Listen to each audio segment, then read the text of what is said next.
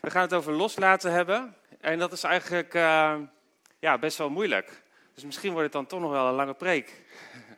Ik hoop wel dat we aan het eind in staat zijn om dingen los te laten. Maar wat een, uh, een mooi symbool is van uh, loslaten, dat is de uitgebloeide paardenbloem. Die heb ik hier zo. En je ziet hem ook op de, op de slide. Um, mijn kinderen zouden zeggen, het is ontzettend satisfying als je dan zo blaast en al die dingetjes gaan eruit. Wie wil blazen? Wil jij blazen? Kijk eens. Heel hard blazen. Nee? Ja? Ja, daar gaan ze. Nog iemand blazen? Wie wil er blazen? Ik zie daar. Oh, ik moet snel naar boven. Mag jij blazen? Ik, heb er hier nog één. Ik zal ze even één voor één doen, want anders uh, is het voorbeeld weg. Mag jij blazen? Ik heb er nog twee. Nog meer kinderen blazen? Kijk. Andere kant van de zaal. Jij wil ook blazen? Blaas maar. En ik zag daar nog iemand. Ja, ik moet ik er snel naartoe. Kijk eens, jij mag ook blazen. Alsjeblieft. Maar wat is nou het idee daarvan, hè? Wat is nou het idee? De vorm van de, van de bloem, die kan je eigenlijk nog zien, hè? Maar goed, hij is wel een beetje uh, stoffig geworden, toch? Maar als de, de paardenbloem, zeg maar, als de wind waait of je blaast, dan uh, ontstaat er ruimte voor iets nieuws. Want dit zijn allemaal zaadjes. En als je dan blaast, dan uh, gaan ze als parachutes naar beneden. En dan vallen ze, hoop ik, in goede aarde. Ik denk dat dit een beetje harde rots is. Maar goed, we gaan het dus hebben over loslaten. En loslaten creëert ruimte voor iets nieuws. Even kijken hoor, moet ik heel even inloggen, want hij is nu gelokt. Um, in deze periode denken we na over Jezus volgen. Uh, in en door relaties. We hebben dat relatiegericht discipelschap genoemd. En als we dat volgen van Jezus echt serieus willen nemen, dan uh, betekent dat op een bepaalde manier ook een focus in ons leven en keuzes. Hoe gaan we met onze tijd om? En uh, ik denk dat we daarin ook dingen moeten loslaten. Omdat als we alles in ons leven houden wat er is, dan verandert er eigenlijk niks. En Jezus is voor ons gestorven zodat we zouden kunnen veranderen. Dus dat betekent, als we dat proces serieus willen nemen, dat we iets moeten loslaten om iets nieuws te mogen ontvangen. Um, nou, verschillende mensen hebben in, in, deze gemeente ook indrukken gedeeld dat God iets nieuws wil doen. Um, en we kunnen natuurlijk blijven wachten van Heer, doe iets nieuws, doe iets nieuws. Maar als wij de dingen niet loslaten, dan is daar misschien wel geen ruimte voor. Nou, juist in deze tijd is het denk ik ontzettend lastig om ja, dingen los te laten. Er is zoveel afleiding. Het zijn allemaal dingen die goed zijn en, leuk zijn. Um, maar wat allemaal op onze schermpjes voorbij komt bijvoorbeeld, is dat wel echt onze kostbare tijd en aandacht waard? Laten we eens een uh, bewustwordingsexperiment doen. Hoeveel tijd denk jij dat je op je telefoon doorgebracht hebt de afgelopen tijd?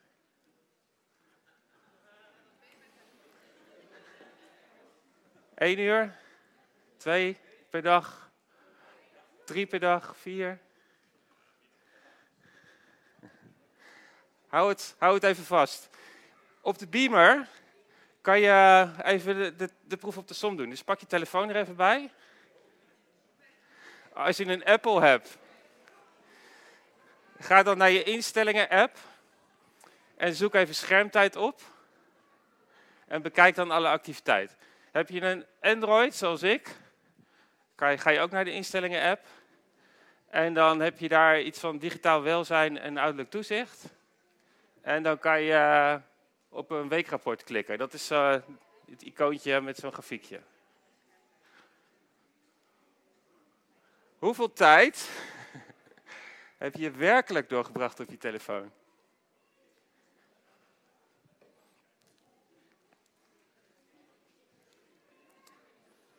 Kunnen jullie het allemaal vinden? Hoeveel tijd het is? Of zijn jullie een beetje in shock? Dat het verschil heel groot was van wat je dacht dat je op je telefoon zat en wat het werkelijk is. Nou, ik wil, ik wil daar voor de rest helemaal niet over oordelen, want het, is, het zijn jouw keuzes. En die telefoon laat eigenlijk gewoon zien ehm, wat jij hebt gedaan. Dat zijn gewoon de feiten. Maar als we daar nou eens over nadenken, wil je ook zoveel tijd op je telefoon doorbrengen? Als je daar eens over gaat nadenken. Of zou je dat misschien wat meer willen loslaten? Het is gewoon een voorbeeld. Is het, is het zoveel tijd en aandacht waard als dat je net gezien hebt? Denk er eens over na, neem me mee. Het is mooi, mooi uh, om uh, ja, je daarop te bezinnen.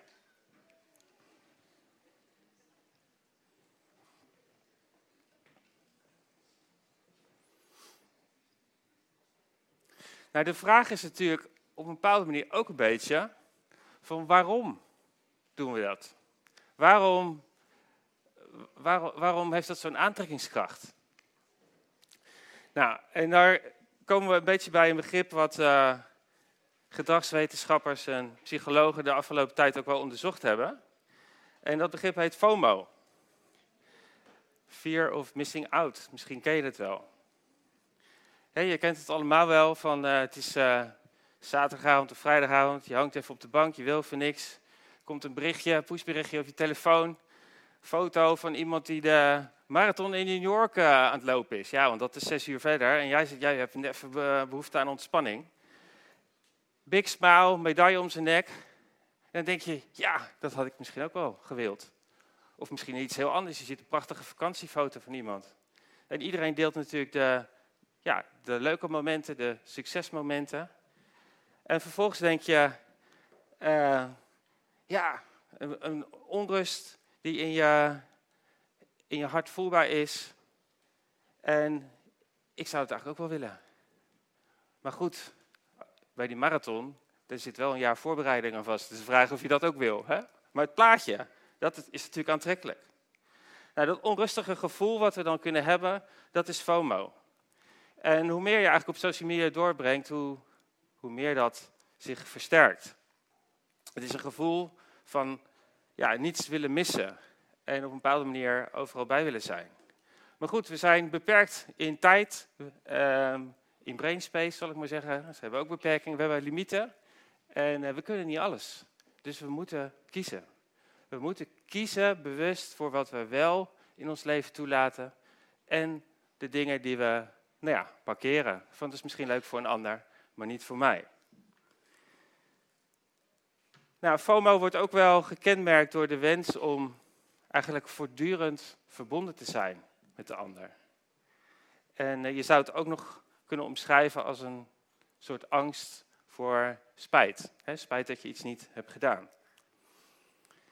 Nou, vraag ik me dan ook af, dat niet willen missen, wat heel erg in FOMO zit, heb jij dat nou ook bij het volgen van Jezus? Heb je dat nou ook uh, bij het in de nabijheid zijn van God?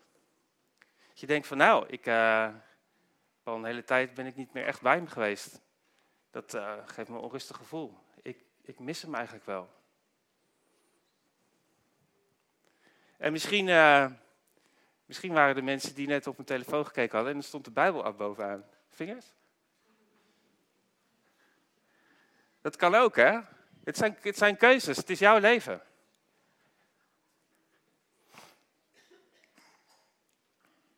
Maar hoe, hoe gaan we daarmee om?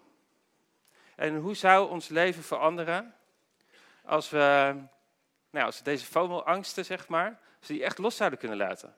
Hoeveel, hoeveel ruimte zou dat creëren in ons leven? Nou, je hebt net in ieder geval gezien hoeveel ruimte het in tijd geeft. Maar ik denk dat het ook nog wel meer brengt dan alleen tijd. Nou, vandaag um, wil ik met jullie nadenken over een speech die Paulus geeft in Athene. En uh, misschien ben je wel eens in Athene geweest. Dat is natuurlijk een, een prachtige stad. En uh, Paulus die, die snuift daar de Griekse cultuur op. En uh, hij komt daar eigenlijk ook FOMO tegen. Dus die cultuur van de Griekse oudheid is eigenlijk het decor voor de, het reisverslag wat we gaan lezen, waar we gaan stil bij staan van, vandaag. En je kan dat lezen in Handelingen 17. Nou, Paulus is onze reisleider, maar niet alleen dat, hij is ook onze spiritual director. En uh, tijdens zijn tweede zendingsreis was Paulus dus in, in Athene en hij was vooruitgereisd en hij wachtte op zijn twee buddies en samen zouden ze daar uh, het evangelie gaan brengen. Dus nou ja, wat doe je als je even tijd over hebt in Athene? Ideeën? Dan ga je sightseeën natuurlijk. En dat is precies wat hij doet. Hij uh, gaat langs al die beelden en tempels en toestanden. Het, uh, het Parthenon, uh, de tempel van Athene natuurlijk. Dat was de, de god die ze daar ook uh, vereerden. En er waren zoveel goden. Er waren zoveel beelden. En Paulus die, ehm, ja, die, die ziet het allemaal. En die ziet die, die smeltkroes van al die verschillende religies, van al die filosofieën. En mensen die, uh, die spreken hem ook aan en hij raakt in gesprek. En uh, hij komt eigenlijk in een soort ja, woordenstrijd. En Paulus die, die wordt op een gegeven moment dan ook, ook uitgenodigd om, om maar eens wat te gaan vertellen daarover. En dat is, dat is best wel bizar. En je had in Athene had je de Areopagus. En dat was zeg maar het podium waar de meest trendy filosofieën en gedachten gedeeld uh, werden. Nou, je zou het kunnen vergelijken met een soort TED-talk. Dat kennen jullie denk ik wel. Maar dat is echt een podium om ja, nieuwe ideeën met de wereld te delen. Nou, Paulus die ehm, die krijgt ook die gelegenheid. Nou, ik moet nog eventjes wat, wat context uitleggen. Want hij had gepraat met verschillende filosofen. En het is ook belangrijk om dat even scherp te krijgen van wat denken die mensen nou eigenlijk? Want als we naar de speech van Paulus gaan luisteren, dan zie je dat hij dat oppakt en dat hij daar iets anders tegenover zet. Nou, we gaan het straks lezen. Maar ik wil dus eerst eventjes stilstaan bij de mensen die hij spreekt. Hij spreekt ze aan op het marktplein. En dat zijn mensen met pantheïstische filosofieën. Nou, dat is een moeilijk woord. Maar dat zijn eigenlijk mensen die denken dat uh, het pantheïsme heeft zeg maar, als uitgangspunt dat God, de wereld en de natuur één zijn. En uh, feitelijk betekent dat eigenlijk dat alles en iedereen uh, goddelijk is of iets goddelijks bevat. En deze lui die geloven niet in het bestaan van een persoonlijke God, want God zit, zit in alle dingen. Hè? Uh, nou, dat staat natuurlijk nogal haaks op de visie die Paulus uitdraagt. Want hij gaat ervan uit dat God boven de natuur staat. En dat hij, in plaats van dat hij daar onderdeel van is. En hij gelooft dat uh, God de natuurlijke wereld geschapen heeft, dat hij uit hem voortgekomen is. En dat God dus boven de natuur staat, hoog boven de schepping. En voor Paulus doet het er echt toe wie hij aanbidt. Hij aanbidt de schepper van hemel en aarde. En niet het geschapene. En dat is voor Paulus heel duidelijk. En God kan wel in de natuur ervaren worden, uh, maar een beleving van de schoonheid uh, van de natuur is niet precies hetzelfde als het ervaren van Gods aanwezigheid. Nou, er zijn er ook nog uh, epicurische wijsgeren waar Paulus mee in gesprek gaat. En dat zijn de mensen die helemaal gaan voor persoonlijk geluk. Um, dat is het hoogste goed van, uh, van de mens. En gelukzalige goden die bemoeien zich niet met nou ja, het gepeupel. Um, en dat blijvend gevoel van welbehagen, dat is waar ze zich op willen richten. Lichamelijk en geestelijk. En uh, geestelijk gezien zouden we dan een soort bevrijding van angst uh, voor goden en de dood moeten nastreven. Nou, dan had je ook nog de, de Stoïcijnen. Nou, dat zijn uh, mensen die Ehm, een tweedeling maken in wat je als mens onder controle hebt. Ehm, dus je circle of influence. En wat je niet onder controle hebt, zeg maar het lot. Even simpel gezegd. Nou, die Atheners die hielden lekker van discussiëren en al die ideeën tegenover elkaar zetten. En Paulus doet daar lekker aan mee. En ehm, de tegenwerpingen die Paulus dus uh, op die ideeën doet, die, ja, die komen hun wel heel erg vreemd over. En Paulus werd uh, weggezet als een praatjesmaker. En anderen dachten dat hij een ja, soort vreemde goeroe was. Uh, want hij had het over Jezus en de godin opstanding. Nou, het was duidelijk dat ze het nog niet helemaal begrepen wat hij nou precies bedoelde. Dus Paulus die, wordt op dat TED-podium gezet en hij begint aan zijn TED-speech. En het is echt een briljante TED-talk, vind ik zelf. Maar laten we dat lezen vanuit Handelingen 17, vanaf vers 22. Paulus richtte zich tot de leden van Areopagus en zei: Atheners, ik heb gezien hoe buitengewoon godsdienstig u bent, in ieder opzicht. Want toen ik in uw stad rondliep en alles wat u vereert nauwlettend in ogenschouw nam, ontdekte ik ook het altaar met het opschrift aan de onbekende God. Wat u vereert zonder het te kennen, dat kom ik u verkondigen. De God die de wereld heeft gemaakt en alles wat er leeft. Hij die Heer is van hemel en aarde, woont niet in door mensenhanden gemaakte tempels. Hij laat zich ook niet bedienen door mensenhanden, alsof er iets is wat hij nodig heeft. Hij die zelf aan iedereen leven en adem en al het andere schenkt. Uit één mens heeft hij de hele mensheid gemaakt. Oh, nou uh, doet mijn schermpje het niet.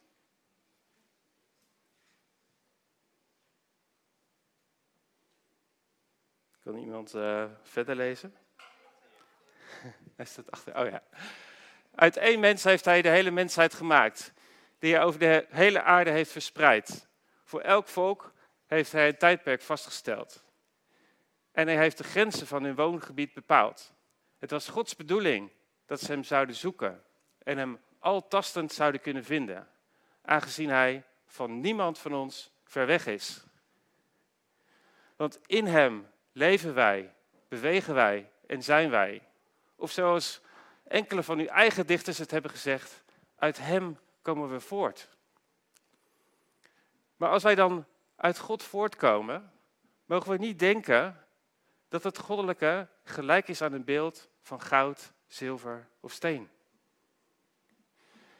het werk van een ambachtsman, door mensen bedacht. God slaat echter geen acht op de tijd waarin men hem niet kende, maar roept nu overal de mensen op om een nieuw leven te beginnen. Want hij heeft bepaald dat er een dag komt waarop hij een rechtvaardig oordeel over de mensheid zal laten vellen. Door een man die hij voor dat doel heeft aangewezen. Het bewijs dat het om deze man gaat, heeft hij geleverd door hem uit de dood te doen opstaan. Dat was hem. Even kijken hoor, dan moet ik even. Opnieuw even openen. Nou, dat was Paulus, Paulus' speech. En uh, de man waar hij uh, zijn verhaal mee eindigt, dat gaat over Jezus natuurlijk. Jezus is opgestaan uit de dood.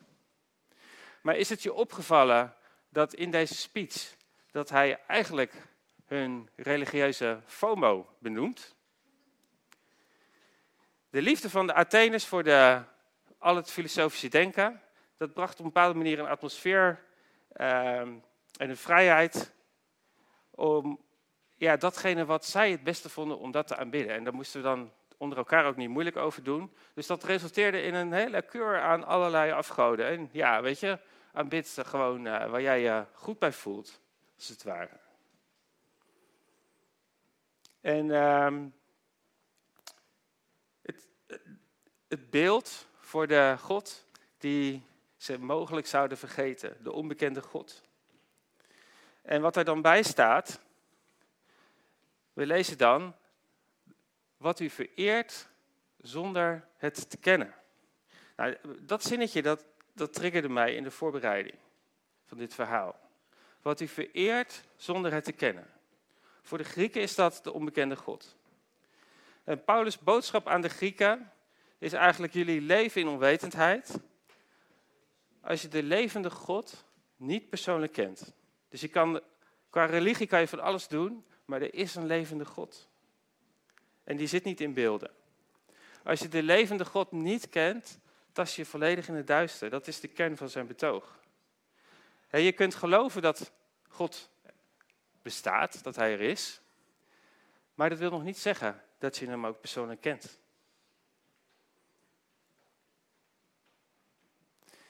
En um, jullie hebben het wel over vele afgoden. En jullie zoeken het goddelijke in de natuur, zegt Paulus. de, de wereldgod die je al denkend en filosoferend hebt ontdekt en bedacht. Maar jullie kennen de levende God niet. Jullie gaan een weg van innerlijke duisternis, van geestelijke duisternis. De, de Grieken waren bezig met religie, maar het, het concept van het relationeel kennen van God, dat was nieuw voor hen. En de parallel met onze tijd is natuurlijk gemakkelijk te trekken. We leven in een ontzettend prominente beeldcultuur. Beelden van celebrities, influencers die gedeeld worden, die veel tijd en aandacht krijgen. Nou, je hebt het net gezien hoe dat werkt. Um, het gaat allemaal om de kliks, de likes, de comments. Zonder dat er eigenlijk echt sprake is van kennen. Vind je niet? Nou, de christelijke versie bestaat daar ook van. Hè? van uh, we kunnen geloven dat God bestaat. Je kan hier iedere week zitten. Je kan naar de kerk gaan. Maar dat wil nog niet zeggen dat je ook kiest een persoonlijke relatie, nietwaar? Maar als we God niet leren kennen in die persoonlijke dimensie, dan missen we echt iets essentieels. En Paulus die doet een hele radicale oproep in zijn, in zijn uh, TED-talk. Een oproep tot inkeer. En dat is niet sexy. Dat was het toen niet. Het is misschien nu ook niet. Maar het is dezelfde oproep waar Jezus zijn bediening mee begon. Kom tot inkeer, want het koninkrijk van God is nabij. Het is dichterbij dan je denkt.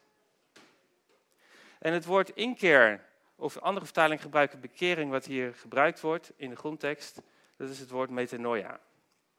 En dat betekent fundamenteel anders denken. Of een transformerende verandering van je hart. En voor de Atheners betekende dat nogal wat, die oproep. Want ze moesten al die denksystemen, al die filosofieën loslaten om dit toe te laten. En het, het loslaten van die filosofieën, dat zou ruimte creëren voor het persoonlijk kennen van God. En ehm, nou juist dat, dat loslaten, dat is natuurlijk ingewikkeld. Want dat bracht hen ook in, uh, ze moesten dus daarmee ook de verwachtingen die ze van die goden hadden, hè, die, al die krachten en werkingen uh, van de onbekende God, zouden ze dan moeten missen. Ze hadden goden die uh, een soort ja, patroonheiligen waren voor voorspoed, voor rijkdom, voor nou ja, groei van de landbouw en al dat soort dingen. En ehm, de vergelijking die ik eigenlijk zou willen maken is die van een Rubik's Cube, een kubus. Ik heb nog wat uh, mensen uh, gevraagd of ze zo'n ding thuis hadden liggen, maar kennelijk uh, is dat niet meer zo. Um, maar we kennen dat allemaal wel, hè? Um, zo'n kubus, dan het idee is natuurlijk dat je alle vlakken in één kleur krijgt. Nou, als je dan mee, mee begint, dan nou, begin je natuurlijk met één vlak. Maar op een gegeven moment, als je de hele kubus ehm, in, uh, wil afmaken, dan moet je toch dat ene vlak wat je zo uur gekost heeft om in elkaar te draaien, toch weer uh, slopen en uh, doorgaan om de hele kubus rond te krijgen. Dus transformatie brengt op een bepaalde manier dat soort dingen met zich mee. Dat wat je zorgvuldig geconstrueerd hebt in je leven, dat dat toch op de schop moet als er ruimte uh, voor iets nieuws mag komen. Nou, dat maakt het best ingewikkeld. En uh, daar kunnen we soms ook echt al een tijdje mee bezig zijn natuurlijk, om dat soort verandering in ons leven toe te laten. Dus de vraag is op een bepaalde manier ook aan ons, van durven wij dingen los te laten om wezenlijk van binnen te veranderen? Dus durven wij ons concept van orde los te laten? Want God gaat voor die hele kubus, voor jouw hele leven. En die wil al die kleuren bij elkaar brengen op, op die vlakken. En de vraag is dan ergens ook van, wil jij God die ruimte geven? Ja, wat, wat zou het dan kunnen zijn wat we los mogen laten in onze tijd? Wat zijn de dingen die we tijd en aandacht geven zonder ze eigenlijk te kennen? Wie volgen wij zonder dat we een persoonlijke relatie hebben? En welke illusie houden we daar eigenlijk mee in stand? Welke beelden, welk rolmodel geven op een bepaalde manier ja, een beetje invloed?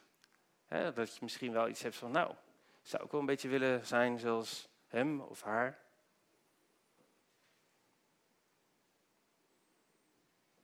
Waar geven we zoveel tijd aan? En, en willen we dat eigenlijk nog wel? Want wat is de angst achter FOMO? Waarom is de verbinding met anderen en wat zij doen, waar ze mee bezig zijn, waarom is dat zo belangrijk geworden in onze cultuur?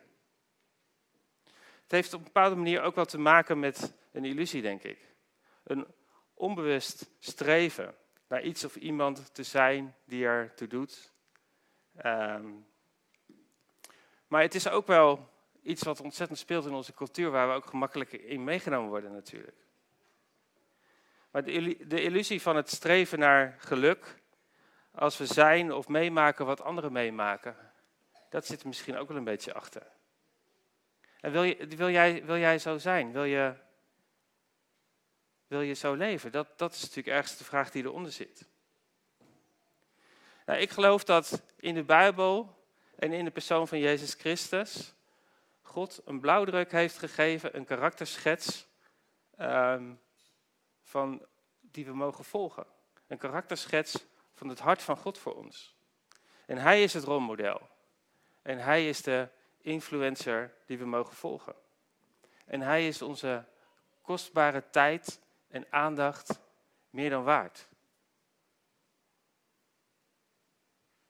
Dus Paulus die zet het persoonlijk kennen van een levende God, die zich persoonlijk openbaart in Jezus, tegenover al de denkbeelden van de oude Grieken. En hij daagt ze uit om hun denken fundamenteel te veranderen. Om heel anders over het concept van God na te denken dan dat ze tot nog toe hadden gedaan. En vanochtend komt deze uitdaging ook naar ons toe. En geloof me of niet, je kunt naar de kerk gaan en geloven dat God bestaat en hem toch niet persoonlijk kennen. En op een bepaalde manier kan een kerk ook zijn dat je verbonden bent met religie. En misschien is het voor jou wel op een bepaalde manier jouw altaar voor de onbekende God die je niet persoonlijk kent. Heb je daar wel eens over nagedacht? En de oproep van Paulus vanochtend is: kom tot inkeer. Het is tijd voor een U-turn. Laat los wat je nog vasthoudt. En uh, ja, kies voor het persoonlijk volgen van Jezus. En laat los wat in de weg staat. En dat kan, dat kan van alles zijn. Dat kan ook teleurstelling zijn in God. Het kan teleurstelling zijn in mensen die dingen over God verteld hebben misschien, die pijnlijk waren of ongevoelig. Misschien ben je wel boos op God. Dat kan ook. Of misschien uh, zijn er gedachtenpatronen in je denken dat je, dat je steeds op hetzelfde punt uitkomt wat, wat je blokkeert. Of gedachten die je onderuit halen. Misschien zit je geweten wat je aanklaagt en dan stop je liever dingen weg. Of een bepaald beeld van jezelf. Misschien je professionele ik, je hoogopgeleide ik, je goede cv. Of verwachtingen van anderen waar je aan wil voldoen. Het perfecte plaatje.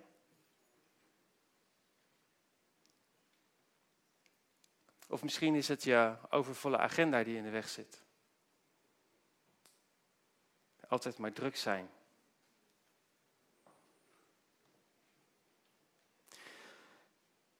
Voor de meeste Grieken die Paulus toesprak, was die oproep een brug te ver. Dat is wat we ook lezen als we verder lezen. Zij konden die beelden van goud, zilver en steen niet loslaten.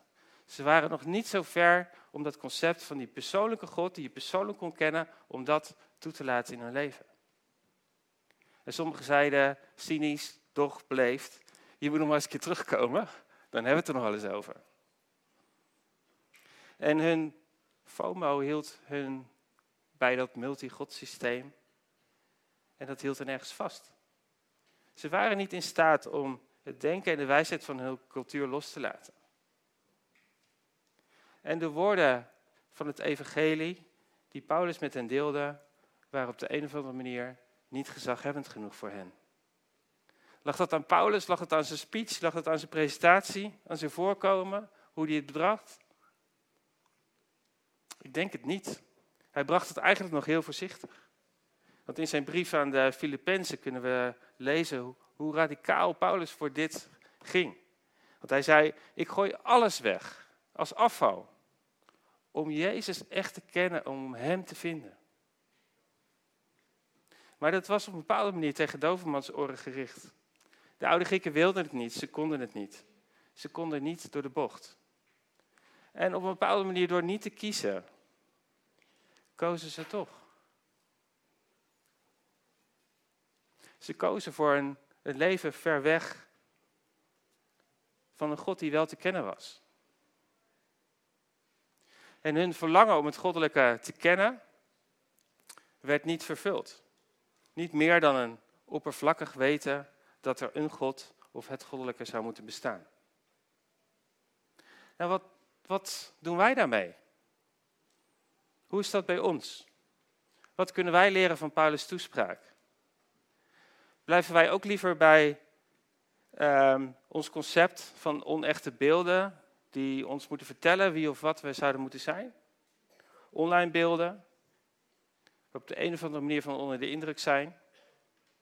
Of houden we vast aan onze angst om niets te willen missen van wat anderen allemaal doen? Of hebben we ergens het lef om fundamenteel anders te gaan denken? Om te transformeren? Om ons hart te veranderen? Om kwetsbaar te zijn, om echt te zijn. Want alleen dan kan je echt kennen en echt gekend worden. Dus de vraag is, sta jij open voor een transformerende verandering vanmorgen? Voor het eerst of opnieuw? Voel jij je misschien wel, wel op een bepaalde manier leeg of onrustig door FOMO? Verlang je ten diepste naar vervulling? Iets, iets van gekend worden van wie jij werkelijk bent? God is dichtbij. Hij is hier. En hij wil jou kennen.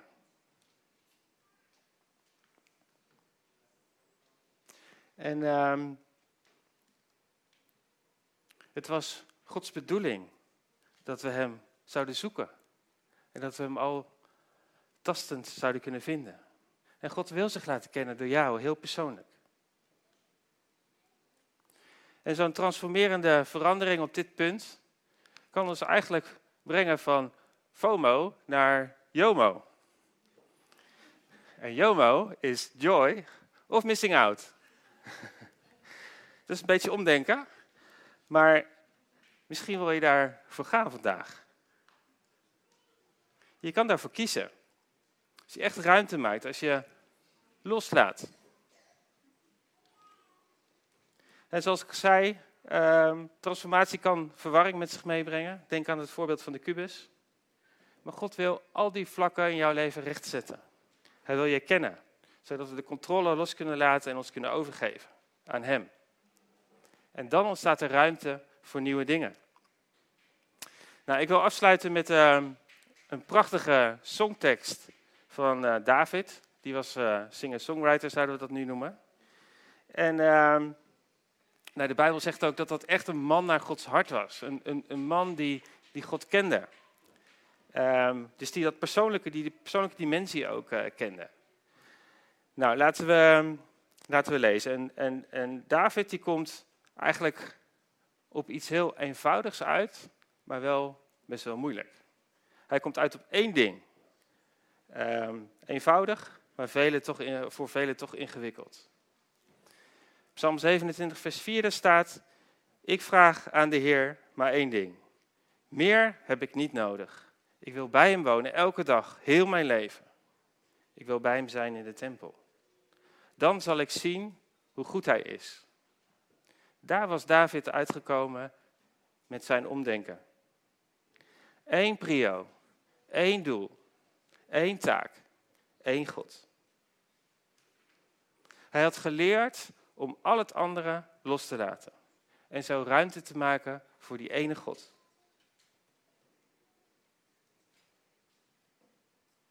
Hem persoonlijk kennen. Door Hem gekend worden. Bij Hem te zijn. God wacht ook op jou.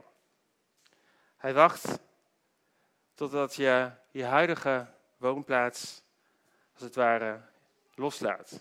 En je intrek vindt bij Hem. Ben jij klaar voor een transformerende verandering in jouw leven?